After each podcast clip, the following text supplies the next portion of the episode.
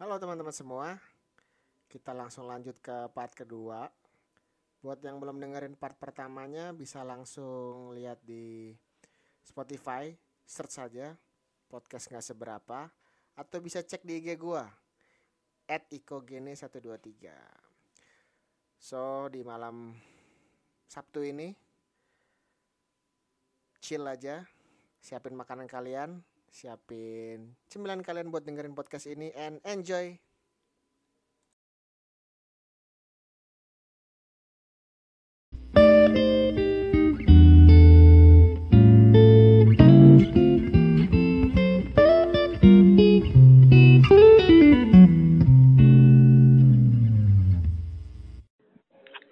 Halo Vina. Halo. Halo. Ya ini kita lagi tag ulang podcast karena kemarin ternyata suaranya kayak chipmang. Suaranya nggak jelas begitu, kerasak-kerasak. Kemarin kedengaran juga di tempat kamu ya, berarti ya? Iya, emang ada kedengeran tapi pikirnya oh mungkin apa di aku doang gitu. Oh. Iya sebenarnya aku udah kemarin tuh Tuh. di Sabtu udah beli alatnya gitu yang buat stabilin apa? Stabilin yang kayak stabilin sinyal gitu. Jadi kamu sama aku ntar jadi stabil. Cuman rakitnya ternyata ribet banget udahlah. Pakai telepon biasa aja deh akhirnya. Iya iya iya iya.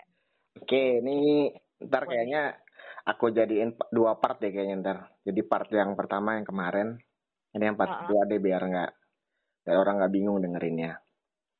Oke, sip sip. Oke guys, ini masih balik lagi sama Vina. Jadi tadi di uh, part sebelumnya uh, gua uh, apa ya, gua recap dulu tadi. Jadi Vina tuh uh, tetangga di dekat rumah.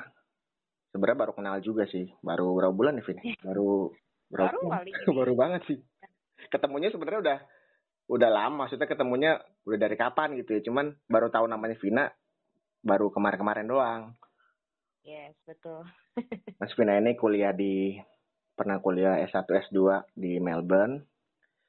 Dan dia pernah jadi karyawan selama hampir lima tahun kan kemarin ceritanya. Dan Ya. sekarang memutuskan untuk merintis usaha. Luar biasa. In the middle of pandemic loh. Luar biasa itu loh. Nah, sebelum sebenarnya sebelum uh, kita ngobrol soal usaha kamu nih, sebenarnya aku kemarin kemarin pengen tanya, cuman lupa nih. Jadi aku pengen tanya, kenapa waktu kamu di luar negeri, kenapa kamu nggak pilih kerja di Aussie? Kenapa kamu balik ke Indo? Oke, kalau aku pribadi sih awalnya emang eh, udah dari awal waktu kuliah tuh mikirnya emang mau balik ke Indo gitu. Hmm. Jadi em, emang dari gimana ya? Emang dari awal waktu papa udah izinin gitu ya ke Melbourne, dia bilang gitu kalau emang kamu ke depannya mau menjadi entrepreneur sebenarnya opportunity kamu di Indonesia itu jauh lebih besar karena kamu mau nggak mau emang kamu orang Indonesia gitu dan eh, plus lagi di Indonesia kan sebenarnya entrepreneurship itu kan eh, apa ya kayak kita itu sebenarnya sebenarnya itu menyelesaikan masalah gitu. Kita mencari solusi dari masalah makanya kita buat produk atau bisnis untuk menyelesaikan sesuatu masalah gitu kan. Nah ditambah lagi tuh Indonesia kayaknya lebih banyak apa ya masalah juga. Iya, Indonesia tuh masalah- lebih banyak masalahnya banyak sih, lumayan lah masalahnya. iya. Kayak maksudnya banyak yang kita bisa lakukan di Indonesia gitu. Apalagi kan kayak distribusi eh, apa ya orang di Indonesia itu kan nggak imbang ya kayak di Jakarta jauh lebih banyak daripada orang yang ada di misalnya di kota-kota lain yang lebih kecil gitu jadi Hmm. sebenarnya lebih banyak opportunity untuk kita bisa eh, apa ya eh, menjadi pionir lah kalau membuat sesuatu atau mengerjakan sesuatu gitu. Jadi waktu ke sana emang nggak pernah mikir sih untuk tinggal di sana gitu. Cuman mikirnya oh mungkin kalau misalnya habis lulus apakah kerja setahun atau dua tahun di sana eh, tapi balik gitu. Eh tapi eh, emang bukan jodoh juga. Jadi waktu kita waktu aku udah lulus em, apa kalau di Melbourne itu atau di Australia Mm-mm. ada tuh yang namanya kita itu harus masuk ke dalam list pekerjaan lulusan kita atau eh, kita punya eh, gelar itu harus dimasuk ke dalam list di mana eh, Australia itu mengizinkan orang-orang yang dengan gelar tersebut untuk bisa dapat PR di sana gitu. Nah, kalau untuk uh, bisnis sendiri atau commerce, uh, only spesifik doang accounting yang boleh uh, dapat PR atau apply buat PR di situ gitu. Oh. Zamannya aku ya. Oh gitu. gitu. Nah, tiap tahun tuh ganti-ganti. Jadi listnya itu uh, gelar-gelarnya itu bisa either ditambah lagi atau dikurangin. Yang tadinya bisa sekarang nggak bisa gitu jadi kayak contoh uh, jadi waktu itu tuh waktu zaman aku jadi nurse atau suster itu oh, sangat diinginkan jadi kalau ke sana dan belajar untuk menjadi nurse itu um, gampang banget buat dapet PR di situ tapi kalau untuk accounting untuk accounting tuh bisa tapi kalau untuk aku waktu itu aku ambil finance uh, dan marketing itu nggak bisa gitu jadi waktu itu kamu ngambil bisnis ya? Bisnis finance apa bisnis sih waktu kemarin tuh? Bisnis. Jadi itu nah kalau di Mel di Melbourne itu ada yang namanya kayak um, apa? Ya? Jadi kita tuh ambilnya Bachelor of Commerce. Tapi oh. di commerce tersebut itu bisa milih uh, dual dual major gitu. Mau major apa? Kalau di uh, aku aku pribadi aku ngambil finance dan marketing gitu. Oh begitu. Ya. Jadi ada basic finance juga berarti ya? ada basic finance juga cuman ya apa akhirnya yang kerjanya aku kerja di properti kepake sih pasti kepake lah ya cuman yeah. Iya. uh, bukan bukan aku bukan di bidang finance banget gitu ya yeah, finance marketing lah gitu ya, jadi lebih ke kepakainya lebih ke marketingnya sebenarnya ya bisnis marketingnya sebenarnya iya dan sebenarnya kalau aku pribadi bisa ngomong ya kayak aku belajar lebih banyak di kerjaan dibandingkan waktu sekolah. Me too sama lah. Aku juga begitu. Dulu waktu zaman kuliah tuh aku bahkan uh, apa namanya? mata kuliah PPN tuh aku dapat 20. Serius beneran. Dan itu karena benar-benar nggak ngerti waktu itu. Tapi setelah hmm. kerja, setelah setelah apa namanya? Setelah kerja, setelah ngerti oh ternyata begini terus selama ini yang gue pelajarin di kampus tuh baru ngerti. Hmm, ya ya ya ya. Ya emang suka emang sering kayak gitu sih ya emang. Oh jadi emang ini ya jadi emang dari awal tuh udah nggak pengen kerja di sana ya. Emang pengen iya. balik ke Indonesia ya. Hmm. Iya emang. Soalnya kan ada beberapa orang kan ya mungkin pengen dapat kerja di sana gitu. Aku pikir kamu pengen ke sana. Ya tapi ya bagus lah balik ke Indonesia kan. Jadi Ya, jadi bisa ketemu. Kalau nggak ketemu kamu sekarang nggak bisa ngobrol. Iya, betul. Ya, ada jalannya masing-masing lah ya. Benar-benar. Oke, tadi itu sebenarnya pertanyaannya pengen aku tanyain kemarin cuman lupa, jadi aku udah ketemu jawabannya. Oke, kita langsung ke usaha kamu nih. Nama hmm. usahanya apa, Vin? Terus di bidang apa? Bisa jelasin nggak? Ya, nama usahanya sih uh, kita di di bidang dulu ya. Kita di bidang skincare dan uh, personal care sih jatuhnya ya. Mm. Jadi ranging from dari muka, badan, kaki gitu kan. Mm. Ke depannya.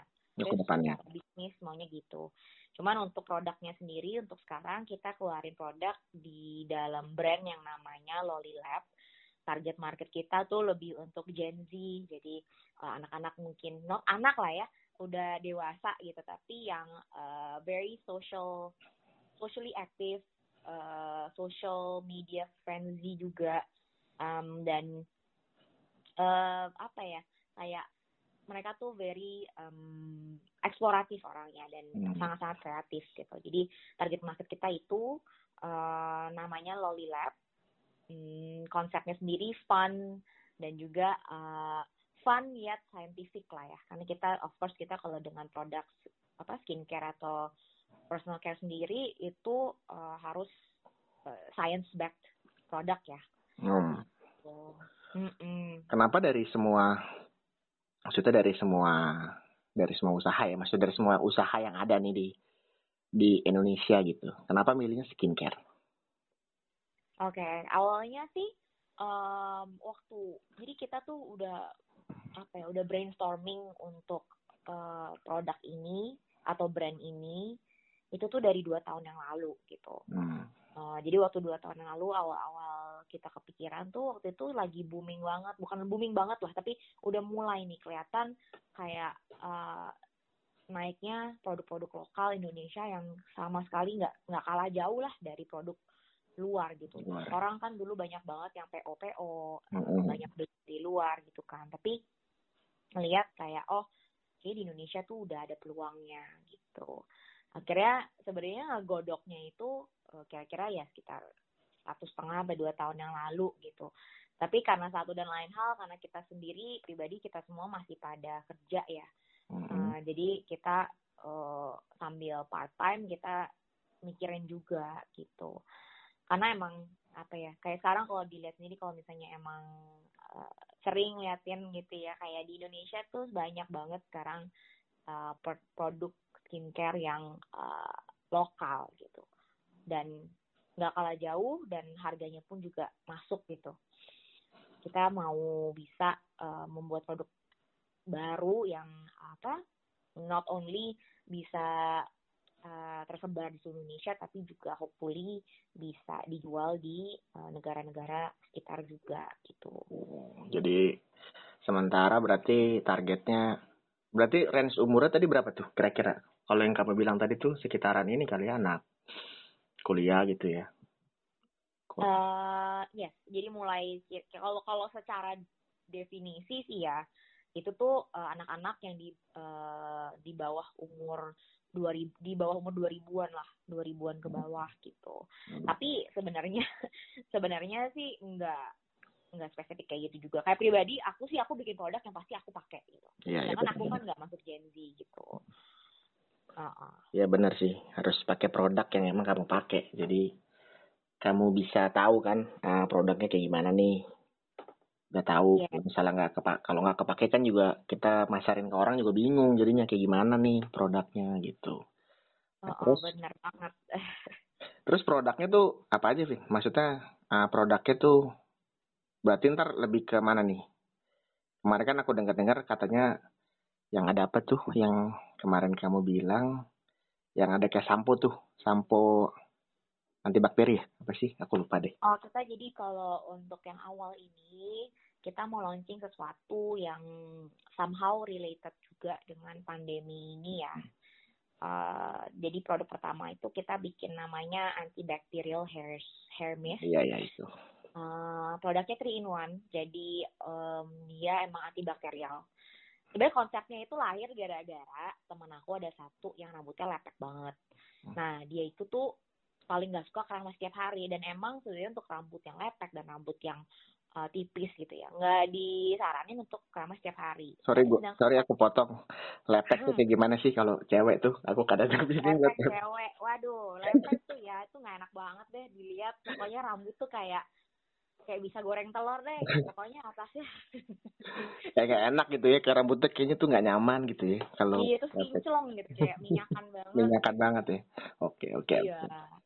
Gitu. Terus emang apa ya, dia tuh lepekan gitu. Aku pun Hmm. juga pribadi lepekan gitu kan. Terus gara-gara pandemi kan dibilang wah keramas setiap hari, apa harus keramas setiap hari. Kalau enggak virusnya nempel atau bakterial itu uh, Iya, iya. bisa ini gitu kan. Ya udah. Akhirnya kita mikir gitu kan, apa sih bisa produk apa yang bisa kita pakai supaya bisa nyelesain masalah ini gitu Hmm. akhirnya kepikiran nih 3 in 1 Hermes ini dia antibakterial bisa ngebunuh 99% sebenarnya dari bakteri yang ada udah kita lab test juga Um, terus eh, dia juga bisa dipakai sebagai parfum. Jadi kita tuh kalau misalnya semprot emang pakai parfum yang emang khusus buat eh, rambut dan badan sebenarnya. Dan juga ketiga ini untuk eh, me- membuat rambut itu jauh lebih kencang gitu. Jadi rambut eh, rambut hair strands-nya itu uh, untuk mengobati dari luar gitu. Ada keratinnya juga dan vitamin B gitu. Mungkin terlalu spesifik ya, terlalu ini ya. aku juga nggak ngerti sih sebenarnya. Maksudnya nggak ngerti, kan nggak nggak ngalamin gitu rambutnya. Iya. Berarti kan, ya maksudnya kalau kayak orang kayak sekarang kan di luar dia mungkin pakai jilbab atau pakai helm di itu kan jadi dia nggak perlu. Maksudnya kalau lagi malas keramas dia bisa disemprot gitu kan jadinya ya maksudnya bisa Iya. gitu kan. Karena kan kalau Iya. keramas terus kan pasti rontok dong rambut ya. Iya udah rontok terus juga kan apa ya kayak rambut tuh gampang banget sebenarnya di Indonesia rontok. Mhm. Airnya kan juga nggak bersih ya Iya iya. sebenarnya. Tuh. Sama Gitu nih. deh. sama di Reflex pun sampai sekarang airnya masih pakai air tanah kan? Betul. iya. Masuk pam sampai sampai sekarang. Berarti kan produknya itu ya, produknya intinya ada ada berapa produk jadinya yang mau launching pertama nanti? Uh, kita sih launching pertama uh, produknya Hermes, tapi hmm. ada dua uh, fragrance.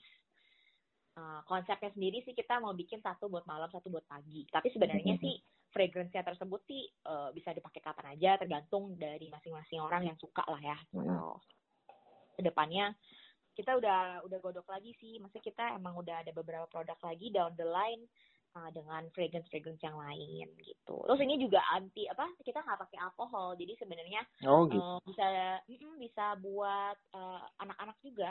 Hmm, bagus gitu. Ya ya. Lagi kan sekarang yang punya anak kecil kan pasti lebih aware juga kan sama anaknya. Iya. Betul. Kita ya gitulah kita mikirnya apa nih produk yang bisa mencakup Eh, banyak masyarakat dan juga sebenarnya membantu secara kebersihan juga gitu kan penting banget ya sekarang.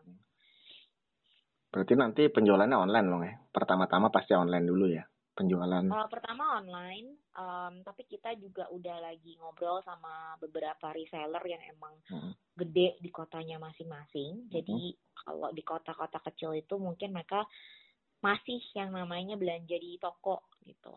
Hmm. Jadi kita mau coba masuk ke toko-toko juga ke depannya. Reseller itu berarti dia jualannya di uh, maksudnya di rumah gitu apa gimana? Maksudnya kamu kirim barangnya atau seperti apa? Uh, apa dia punya toko gitu? Sistem reseller juga ada sistem dropship sih. Kalau sistem oh. dropship itu kan sendiri bisa dilakuin di uh, e-commerce ya, udah ada. Ya, udah ada. Hmm. Mereka udah di, dibolehkan. Gitu. Hmm. Tapi kalau reseller sendiri ya mereka beli dari kita dengan harga yang khusus, terus mereka bisa jual dengan harga yang kita hmm. tentukan gitu. Ya maksudnya kan mereka nggak perlu jual, nggak perlu punya toko atau gimana gitu kan buat buat hmm. jual kan. Bisa di rumah yeah. mungkin kan dia lagi bingung mau ngapain di rumah jadi bisa jualin juga kan produk kamu gitu ya ya aku iya iya iya ya. benar benar ya sama lah kayak kayak pastel lah begitu juga sama betul ya, jumlahnya berapa ntar tinggal jual harganya segini gitu ya ya aku ya. ya berarti Instagram gitu-gitu belum ada ya Instagram belum launching ya Instagram sendiri kita belum launching tapi ya udah ada udah udah ada um, handle-nya cuman belum kita isi lah oh iya, iya. Mantap, mantap. Berarti sudah, ya kalau aku dengar dari cerita kamu sih berarti udah benar-benar ter, tersiapkan dengan baik lah ya. Udah disiapin cara matang dari dua tahun. Dua dua tahun ya, ya udah cukup lama lah mempersiapin itu semua konsep logo segala macam udah udah oke okay lah harusnya ya. Iya kita. Ya, ya. Form itu ya. Mm -mm saya udah keluar kerjaan juga demi ini kalau nggak mati-matian kan agak sayang nah. juga ya ya benar nah terus uh, kan tadi produknya udah terus kita udah ngobrol sedikit produknya kalau untuk secara nanti secara uh, price gitu secara harga ya terjangkau lah ya maksudnya untuk anak-anak muda mungkin anak kuliah gitu pasti dibikin yang terjangkau dengan mereka juga ya harusnya ya Kenapa? Sorry, sorry. Agak putus. Oh, keputus ya. Sorry. Maksudnya kalau kayak secara price harga nanti itu uh, dibuat terjangkau lah dengan anak-anak kuliah gitu misalnya kan yang belum kerja gitu. Apa targetnya emang yang udah kerja? Apa udah kerja ininya target harganya? Kita sih target harganya uh, di harga di bawah seratus ribu. Oh, untuk brand ini ya. Mm -hmm. Untuk brand ini di bawah seratus ribu. Kenapa? Soalnya emang kita udah research juga gitu kalau pembelian terbanyak kalau secara online ataupun di toko gitu secara quantity itu per basket emang orang itu di bawah seratus ribu gitu hmm. um, dan kita berpikir kalau misalnya kita jual produk yang di bawah seratus ribu orang akan lebih incline untuk beli more than one gitu oke okay, ada dua dua apa fragrance misalnya ya mereka bisa beli dua gitu hmm. di bawah lima puluh ribu gitu affordable banget sih sebenarnya untuk anak-anak yang uh, kuliahan, SMA juga. Um, dan aku sendiri sih ngerasa dengan harga ini sih aku uh, mau beli-beli terus gitu kan. Gitu. Harus dong dukung produk lo lokal. Tapi emang skincare ini kan emang kalau aku lihat sih emang naiknya kan semenjak drakor-drakor lagi merajai Indonesia kayaknya. Ya orang mungkin jadinya jadi pengen beli skincare juga lebih jadi lebih banyak lah permintaannya kayaknya sih kalau aku lihat ya. Sekarang sih um, lebih ke kalau skincare sendiri ya udah dari ya itu dua tahun dua tahun tiga tahun yang lalu tuh mulai naik daun gitu kan. Um, dan apa ditambah dengan drakor-drakor ditambah hmm. juga kayak mungkin orang Indonesia tuh sekarang orang-orang yang zaman sekarang tuh jauh lebih uh, appreciate ya. They hmm. appreciate uh, produk lokal. Mau itu makanan mau skincare mau mesin atau brand apa pun tuh sebenarnya local brand sudah udah sangat-sangat uh, superior sih sebenarnya di Indonesia gitu jadi um, overall ya I think it's the way to go juga gitu. good good terus uh, impian kamu buat Loli Lab tuh apa maksudnya kamu punya mimpi besar apa sih untuk Loli Lab ini sebenarnya kalau untuk Loli Lab sendiri kita itu ke depannya nggak only provide produk uh, personal care gitu kan tapi hmm. uh, sebenarnya kita tuh Loli Lab itu my uh, our vision itu Lolilab itu sa hanya salah satu brand dari beberapa brand yang akan kita oh. buat gitu. Um, of course kan setiap brand kan nggak bisa target langsung banyak banyak persona ya. Hmm. Jadi um, ke depannya sih kalau buat aku pribadi kita membuat mau membuat um, uh, fast moving goods yang uh, bisa uh, dijangkau oleh seluruh orang Indonesia lah di sini gitu. Amin, amin, amin, amin. berarti rencana launchingnya Agustus ya? Kalau nggak ada halangan berarti berarti harusnya Agustus ya launching. Iya, hopefully. Ini pabriknya di mana sih, Vin? Pabriknya sendiri kita ada beberapa sebenarnya. Oh, ada beberapa, ada beberapa. Hmm, iya. Ada ada ada banyak ya pabriknya. Mm -mm, Oke oke ya semoga sukses lah untuk oleh labnya nih. Semoga ya nanti launchingnya berjalan lancar dan dan langsung banyak peminatnya. Iya, hopefully. Ntar aku pasarin ke saudara-saudara aku tuh. Pada saudara-saudara aku tuh pada ini. Kan banyak cewek kan di, di keluarga aku tuh banyak oh. cewek. Jadi mereka tuh kalau ngeliat skincare skincare baru tuh suka ini nih, suka suka heboh sendiri. Ini apa nih? Ini apa nih? Gitu suka kayak gitu. Kalau soalnya kan mamaku kan anak ke anak kelima ya. Mm -hmm itu uh, kakak adiknya tuh cewek semua, cowok satu doang. Terus kebetulan anak-anaknya juga banyaknya dapet cewek. Jadi aku kadang-kadang kalau kumpul keluarga juga agak zong juga karena cowoknya cuman berapa? Cuman dua kali. Pupunya cuma dua orang. Jadi kadang-kadang zong gitu. Yang lain cewek ngomongin makeup, ngomongin skincare, aku jadi bingung kadang ngomong apa nih. iya iya iya iya. Emang kalau even kayak sekarang tuh antara teman-teman aku juga gitu ya. Kita kalau misalnya ketemu gitu. Emang ngomonginnya gitu sih ngomongin produk baru lah apa baru lah. Lagi cewek-cewek tuh kan pasti saling gitu review ya saling preview gitu. Emang begitu kali ya. Iya, iya. tapi emang kalau aku lihat ya uh, dulu kan aku sempat nyoba jastip tuh kan. Di di Bangkok uh -huh. gitu kan aku sempat nyoba jastip Bangkok Malaysia Singapura gitu kan. Emang sekarang yeah. banyak produk dari Thailand dari Malaysia, dari Singapura pun banyak juga yang udah masuk ke sini gitu. Yang dulunya cuman bisa dapat di Thailand, sekarang pun di sini udah mulai kayak di Watson gitu, udah mulai banyak tuh produk yang dari mereka masuk ke sini gitu. Mereka juga udah mulai masuk ke sini gitu, produk-produk dari mereka gitu. Iya, iya, iya, iya. Udah iya, udah tahu lah mereka kalau Indonesia tuh ada buying powernya sebenarnya. Iya, iya. Ada lebih hmm. apa sih masyarakat tuh ya harus diakuin emang konsumtif sih. Kalau ada barang yang baru tuh kan pasti mereka oh, mau beli coba dulu gitu kan. Coba dulu nih barangnya kayak gimana. Pasti mereka beli kalau di Indonesia kan gitu. Apalagi anak-anak muda tuh. Pasti ya. Kalau ada makanan mbak makanan, apalagi apalagi sekarang diri butter tuh luar biasa. kenapa kenapa? Diri butter udah nyobain belum? Oh iya itu ya ampun. Itu kemarin aku pesen itu uh, pesen sore besok baru bisa diambil Oh gitu. Iya yang jadi. Di Cibubur? Yang di ini dia kan ada di sini alternatif Cibubur. Iya iya iya, yang di Cibubur itu. Jadi mm -hmm. harus pick upnya besoknya gitu. Iya waktu itu kan datang aku kira kan sepi kan. Aku iya. nyoba yeah. aku nyoba datang, Mbak mau pesen tapi buat besok ya Mas.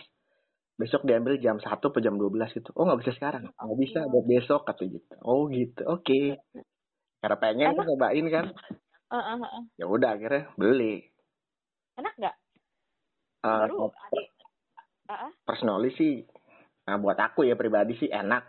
Cuman tidak sewow yang dibicarakan gitu aja. Hmm. Enak tapi enak. Eh, unik sih rasanya kan itu kan croissant di apa namanya croissant di di kayak dikeringin gitu deh. Kayak dibikin kayak crispy gitu. Eh, enak rasanya. Cuman emang tidak se expect yang kayaknya di Twitter di Instagram gitu diomongin gitu. Menurut aku sih pribadi. Tapi enak kok ya patut dicoba lah Iya. harganya juga nggak begitu nggak gitu nggak Kan gitu namanya? Si apa tuh nama itu minuman? Apa tuh? Yang punya siapa nih? Kopi kopi su ya? Kopi su oh kan kopi su kopi su. Tuh. nah enak juga nggak tuh? Kopi su enak. Kalau aku sih suka kalau aku suka. Hmm kopi su sih aku suka ya aku oke. pribadi suka. Aku sih sebenarnya bukan yang pencinta kopi banget tapi kalau ada kopi gitu aku nyobain tuh hmm. Yang pencinta kopi tuh kakak aku. Dia bener-bener beli alat kopi sendiri. Ah kopi iya iya sendiri iya. gitu dia beli dari apa dari Starbucks tuh kan suka suka ini kan suka ada jualin biji kopinya tuh. Nah dia suka biji kopinya dia beli diseduh sendiri tuh tiap pagi. Dia beli kayak beli alatnya yang manual itu bukan yang otomatis yang Hmm, otomatis kan mahal banget tuh harganya. Iya iya iya. Ini juga di rumahku juga kan adek aku kan baru balik ya ke sini untuk hmm. apa liburan. Dia suka banget sama kopi. Jadi Hmm. dia beli kopi biji-biji kopi gitu-gitu kan. Emang emang apa ya? Emang seru sih. Emang seru Kalau kalau seneng seru tapi berarti adik kamu ntar balik lagi ke US Iya, balik lagi dia. Eh, Oh. akhir akhir bulan Agustus ini Oh, aku kira ke sini karena udah lulus jadi balik ke sini. Enggak belum ya berarti ya. belum. Dia Oh. masih dua tahun lagi kayaknya deh. Hmm. Berarti sekarang kuliah ya? Eh, kuliah. Kuliah. Kuliah ya. Hmm. Kemarin pas di sini karantina berapa hari? Fit? Dia lima hari, kena lima hari di sini. Di hotel. Di iya di hotel. Hmm. Mahal banget, ampun hotelnya. Iya tuh kemarin aku tadi baru aja aku baca berita tuh. Ya lumayan juga sih aku lihat gitu. Apa namanya? Iya. har- harganya ya lumayan sih. Aku bilang buat lima ha buat sekitar lima enam hari. Hotel mana tuh, Vin?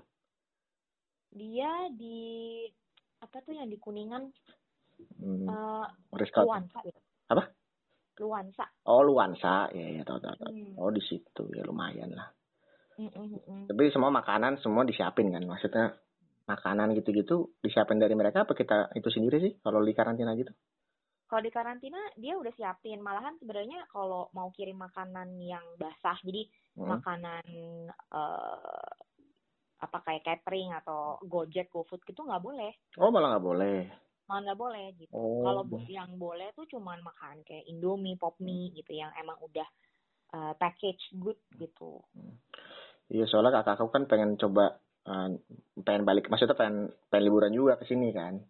Jadi Hmm. nanya tuh gimana kalau ke sini bi- apa karantinanya gimana. Kemarin pas karantina itu Oh. dia ah, milih adik kamu milih sendiri hotel di sini apa dipilihin tuh sama sama pemerintah Indonesia. Oh, enggak, itu terserah kita. Oh, terserah Karena kita. kan bayar sendiri. Iya, Oh, jadi karena biaya sendiri ya. ah, iya. Iya iya sih, benar benar, biaya sendiri. Iya, iya. Ya udah, kalau kakakku udah udah kangen kata sama Indonesia. Di mana tinggalnya? Thailand, Bangkok. Oh, di Bangkok. Iya. Mm-mm. Kan harusnya tahun lalu kan ke sini tuh, cuman nggak bisa karena ya itu. Karena ya masih pandeminya masih agak parah kan, jadi belum bisa ke sini. Hmm. Takutnya bisa ke sini, nggak bisa pulang ke sana takutnya. Hmm. Karena kayak Airways itu kan juga kata dia udah bang, bukan bangkrut sih, lagi dibekukan dulu karena emang nggak ada penumpangnya gitu. Mm, mm, mm, mm. Jadi ya takutnya nggak bisa balik lagi ke sana. Gitu. Iya, iya, iya. Iya sih banyak yang problem gitu kayak dari Aussie juga sama kalau udah balik ke sini susah susah lagi balik ke situnya. Iya, iya. Apalagi kan Indonesia kan ya termasuk negara yang apa ya? Negara yang di di ban lah sama Iya. ya masih dilarang kan sama negara-negara gitu.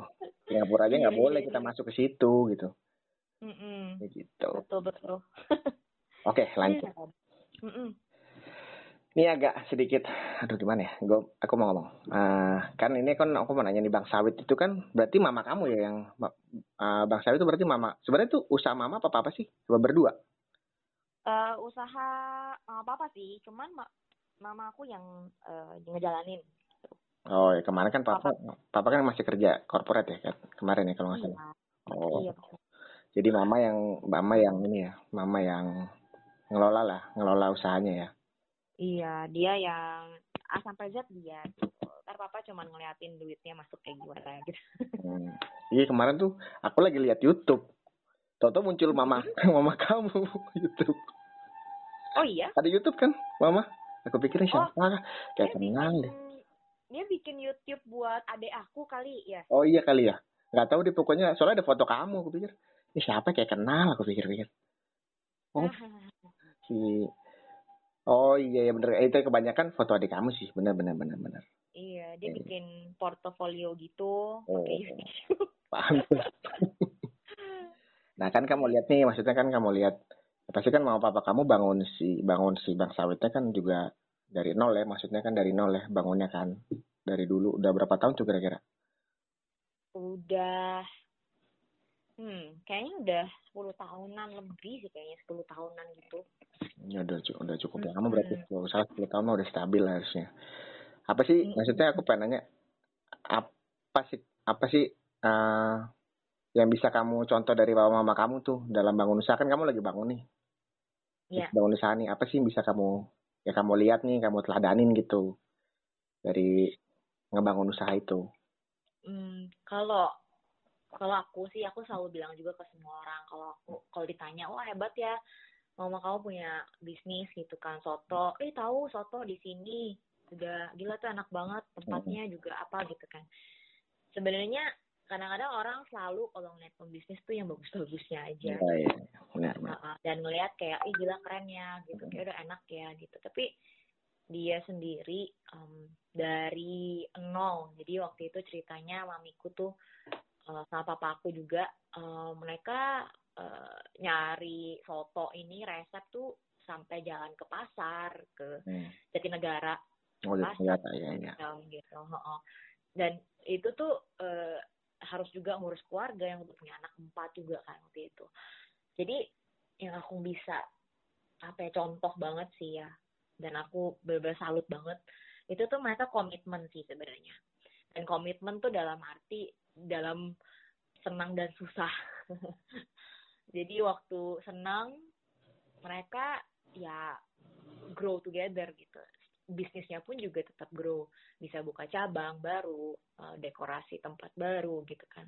Hmm. Tapi waktu jelek-jeleknya um, nombok nombok barang, nombok ya abis-abisan juga gitu. Harus saving juga demi untuk nombok ke bisnis tersebut juga gitu kan jadi komitmennya itu mereka nggak nggak hilang lah. Mau susah mau enggak mereka percaya banget sama apa bisnis mereka ini di dalam senang dan susah. Itunya sih yang aku kayaknya apa ya mau aku mau mau bisa kayak gitu gitu. Ya, dengan 10, aku 10 tahun tuh waktu yang panjang sih. Nggak untuk usaha tuh 10 tahun waktu yang waktu panjang banget sih 10 tahun. Panjang banget yeah. panjang banget. Dan untuk orang bisa sampai oh tahu soto gitu. Apalagi ya orang bubur gitu ya. Mm -hmm. um, ya itu nggak kayak sekedar oh setahun kelar gitu. Kayak ini literally 10 lebih tahun apa ya naik turun naik turun gitu. Soalnya aku selama tinggal di Cibubur tuh aku emang dari dulu nyari soto Betawi yang enak jujur aja hmm. aku nyari yang enak gitu kan. Tapi aku nggak pernah nggak pernah dapat gitu maksudnya. Uh, aku nyobain soto betawi yang di depan tuh tahu nggak? Oh yang yang, uh, yang rame tuh yang kalau kita yeah. refresh keluar kiri. Ya ya ya mungkin uh, beberapa keluarga aku suka cuman buat aku pribadi sih kurang. Karena aku uh, aku per, aku tuh dulu waktu zaman dulu waktu zaman SMA kuliah gitu sering diajak mama papa aku tuh makan soto Betawi di Manggarai namanya. Aku, ah. aku lupa namanya apa. Jadi dia posisinya tuh deket stasiun Manggarai itu. Itu emang uh -huh. enak banget sih. Enak banget.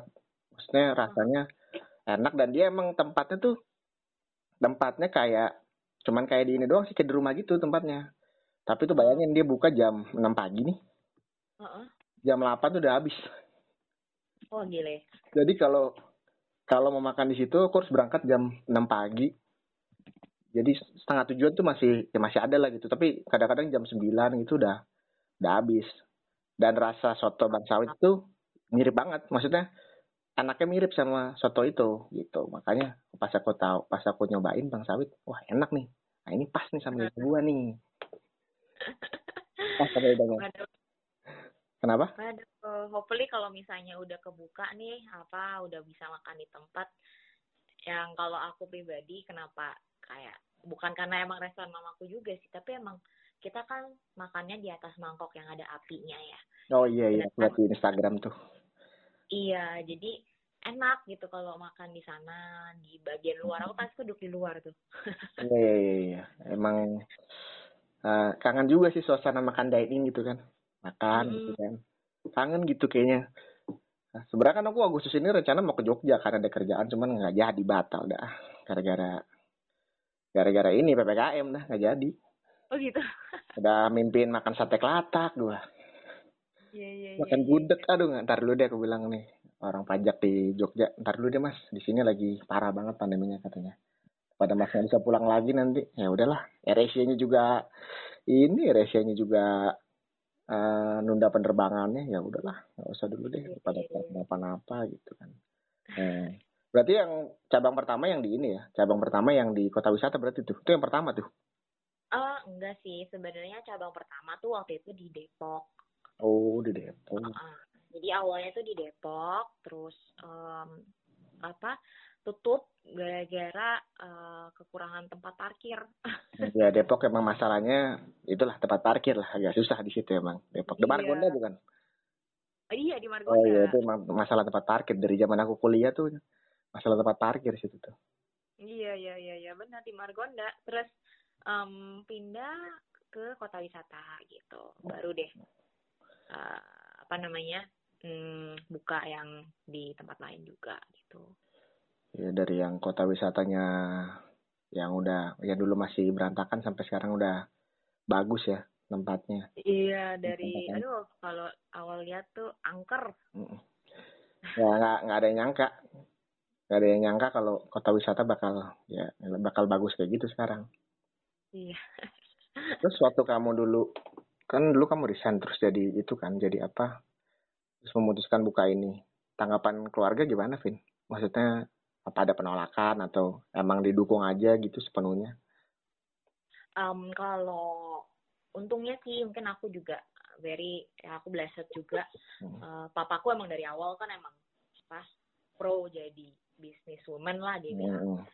Um, jadi waktu aku ngomong gitu ya dia bilang intinya kalau kamu udah decide ya tetap nempel dengan decision itu jangan Ntar. gitu ya. tengah ya Hmm. jadi um, untungnya sih dia bilang gitu. Cuman emang eh, dia bilang kayak eh, dia selalu ingetin sih dia selalu ingetin. Kamu kalau misalnya mau bikin bisnis tuh selalu pikir dengan bener gitu. Nggak apa-apa nggak nggak nggak usah cepet-cepet juga nggak apa-apa. Tapi intinya kamu tahu kamu udah mateng gitu dalam memikirkan segala halnya gitu. Dan tetap aja sebenarnya dia bilang kalau misalnya udah eh, planning dengan sangat detail pun orang tetap bisa aja eh, jatuh gitu nggak selalu akan sukses gitu. tapi kalau emang kamu percaya banget sama tim kamu dan juga produk kamu dan pasti ntar ada jalannya sendiri dia bilang gitu Hmm, Iya iya benar. Tapi tapi jujurnya nih Vin, aku tuh kan dari dulu sebenarnya emang teman-teman aku kebanyakan orang Chinese, kebanyakan. Mm-mm. Dari dulu dari zaman aku uh, dulu kan aku putra altar tuh di gereja kan. Oh iya iya. Jadi emang lingkungan aku kebanyakan ya orang orang Chinese lah gitu. Tapi emang aku selalu kagum sih sama orang tua orang tua mereka sih. Karena apa ya mereka kalau udah usaha nih udah buka usaha udah ngerintis usaha tuh luar biasa sih ininya. Eh, perjuangannya luar biasa. Gigihnya tuh luar biasa gitu. Jadi aku memang belajar banyak banget sih dari dari orang tua orang tua mereka. Dari teman-temanku juga yang sekarang ngerintis usaha tuh. Emang luar biasa lah gitu. Luar biasa lah ngerintis usahanya ya nggak nggak nggak setengah-setengah gitu ketika mereka mau terjun ya terjun gitu benar-benar usaha gitu. Mm-hmm. makanya kan kamu bagus punya role model karena ya banyak kan orang yang mungkin mau mau keluar dari kerjaan tapi ternyata ya di, ya ditentang lah sama orang tuanya atau nggak boleh ngapain sih? Udahlah kerja kantoran aja nanti kan dapat gaji tetap gitu kan. Biasanya kan kayak gitu. Kalau di sini kebanyakan kan gitu cuman ya kamu terberkati lah orang tuanya ngedukung gitu kan sepenuhnya. Iya aku aku blessed banget sih. Aku juga tahu cerita-cerita yang apa orang yang apa ya kalau udah dapat kerjaan apalagi pandemi gini ya oh. dan udah bisa uh, apa namanya membiayai diri sendiri dengan baik itu kenapa mesti dilepas gitu kan. Sebenarnya nggak salah juga pemikiran kayak gitu gitu aku pun juga waktu mau lepas kerjaan aku yang sekarang uh, yang waktu itu ya hmm. uh, lumayan nyesek juga gitu karena emang itu kerjaan yang sebenarnya aku suka juga hmm. kayak maksudnya aku uh, itu bidang aku aku lulus dari bidang itu juga dan um, pay-nya juga oke okay banget gitu dan bos aku juga oke okay, timnya juga oke okay. cuman di dalam aku tuh kayak uh, kayaknya udah waktunya aja sih gitu. Dan ditambah lagi aku juga kan nggak sendiri aku punya tim teman ya teman aku yang sekarang menjadi bisnis partner aku yang uh, juga nggak kalah apa ya antusiastik banget gitu. Jadi kita uh, janji dan berkomitmen juga untuk bisa fully di dalam sini gitu. Ya jadi uh, lingkungannya juga ngedukung lah. Semua semua lingkungannya ngedukung. Jadi jadi kan kamu juga melaju ke depannya jadi jadi lebih tenang lah. Jadi lebih tenang lebih enak gitu kan. Ya lagi yeah. teman-temannya juga uh, teman-temannya juga ini ya juga support banget kan yang lagi di usaha ini di Loli Lab ini. Mm -hmm. ya aku aku beruntung banget sih eh, dan ya. Nah jadi kalau misalnya nih ini nah sebenarnya nggak tahu sih jadi dengerin apa enggak nih podcast ya sama orang-orang. Cuman kalau kamu bisa ngomong ke papa mama kamu nih, kamu mau ngomong apa? Tentang apa pun. Ya. Apa pun, maksudnya tentang apa pun. Kamu mau nyampein apa ke mereka? Aku sih yang pasti aku juga setiap hari aku ngomong sih ke mereka yang almost everyday aku kayak uh, apa eh, doain ya doain Alvina ya gitu tapi kalau aku bisa bukan permintaannya aku mungkin bilang ya thank you banget gitu. Kayak aku very absolutely very grateful bisa punya orang tua yang um, apa ya mendukung aku gitu. Mau aku ngapain gitu. Mau aku melakukan sesuatu yang mungkin uh, salah mereka pun juga tahu kalau itu aku nggak melakukan kesalahan itu karena aku mau gitu. Tapi karena aku emang berusaha tapi emang jatuh gitu. Nah aku mungkin mau aku yang pasti mau bilang thank you dan uh, aku tuh bangga banget punya orang tua kayak mereka gitu. Mantap. ya tapi kalau aku lihat sekilas sih emang aku lihat your family itu apa ya seru aja gitu kayaknya. kayaknya seru gitu maksudnya ya ya seru aja gitu kelihatan jadi ya wajar lah kalau saling mendukung satu sama lain. Iya, gitu. oh ya. beda-beda lah aku punya yeah. adik tiga. Tiga tiga beda-beda banget. Gimana tuh jadi kakak tertua cewek sendiri adik-adiknya cowok semua tuh gimana tuh? Ya seru sih sebenarnya. Ada masa-masa yang nyebelinnya tapi itu dulu waktu masih kecil waktu hmm. mereka ampun deh. Aku pokoknya setiap mainan aku hilang hmm. antara hilang rusak. Entah apalah berbi berbi aku putus kepalanya gitu. Kan kalau sekarang seru sih mereka bisa diajak uh, diskusi terus mereka juga apa bisa ngocak juga gitu. Jadi ya oke okay lah. Ya kan cici-cici galak nih. Entah kalau adiknya punya pacar gitu siapa pacar kamu? Kenalin ke cici kayaknya udah dicap itu dari dicap gitu ya? terima aja. Kenalin dulu ke sini. Baru boleh. Baru. Berarti yang paling kecil kan 20 tahun. Terus yang kedua berapa umurnya?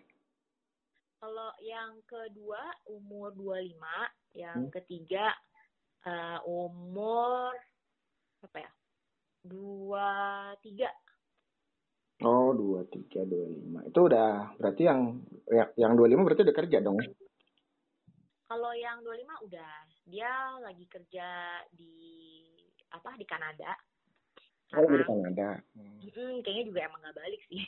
Iya, terlalu jauh sih kayaknya dong. Mm -mm. Itu yang 25 di kan oh di Kanada ya. Jadi semuanya emang di luar ya ininya. Hmm, kerjanya. So. Kalau yang di yang pertama di luar, yang kedua di sini. Yang kedua di sini. Yang kedua di sini, ha -ha. Yang terakhir masih kuliah ya. Iya, Oke, oke. Oke, Vin. Aduh, kayaknya. Tapi sebenarnya aku pengen ngomong sih. Aku sebenarnya uh, apa namanya? Sejujur aku kagum banget sih sama kamu yang berani challenge diri tuh. Kamu dari karyawan jadi entrepreneur. Karena nggak semua orang sih berani ngelakuin itu ya. Hmm. Apalagi di tengah-tengah pandemi kamu lakukan itu sih, aku bilang kamu hebat banget. Karena ya kamu mau bilang kan kamu bilang mau meraih kebahagiaan kamu kan di usia yang ya udah menginjak tiga masalah tiga puluh pengen ngelakuin sesuatu yang bahagia kan iya nah, ya aku juga tahu sih ngebangun bisnis sendiri tuh ya berat. Pasti awal-awal berat lah. Karena dulu aku juga pernah ngalamin ngebangun yang ngebangun pastel itu bareng-bareng sama si mama. Sampai tuh aku sampai pernah di titik tuh di mana aku tuh down banget. Uh, apa namanya karena nggak berjalan sesuai keinginan gitu. Sampai aku tuh nyalain Tuhan gitu dulu pernah.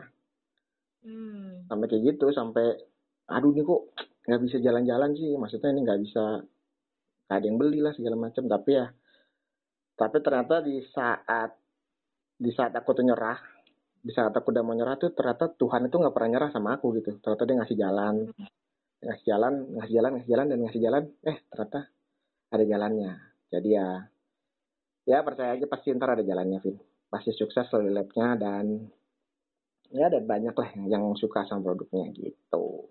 Oh, amin. Hmm. Sama lah sama Siko juga. Maksudnya um, begini itu kayaknya kita semua um, harus kurang apa ya? Kurang mengcompare diri sendiri dengan orang lain gitu. Kayak hmm. kita harus apa ya? Lebih percaya diri dengan mas apa um, kebisaan masing-masing lah gitu. Kayak aku juga kadang-kadang masih mikir gitu kayak umur segini orang lain ada yang lebih keren deh daripada aku gitu kan yeah. teman aku sendiri misalnya udah ada punya ini punya apa yeah. gitu tapi kayak aku mikir ya sekarang orang lah jalannya sendiri gitu kayak Tuhan sampai sekarang udah baik kita masih bisa punya rumah dah di masa pandemi gini itu dah dahsyat banget gitu. Sampai kerjaan kan ya disyukuri lah gitu. Iya. Kerjaan segala macam. Kevin, thank you banget ya. Nih abis ini aku telepon, kita ngomongin pajak sebentar. Aduh, aku thank you banget loh masih kelampun deh. Iya. Buta pajak, tiba-tiba dapat pencerahan. Kevin, thank you banget nih udah mau tag podcast, yeah. podcast lagi nih yang sebelumnya. Oh, my pleasure. Thank you banget, Vin. Kalau ntar ada topik lain yang lebih seru, boleh ntar kita balik. Oke, okay, siap, siap. Oke. Okay. okay. Bye, Vina. Thank you banget ya. Yuk. Ya. Yuk. ya.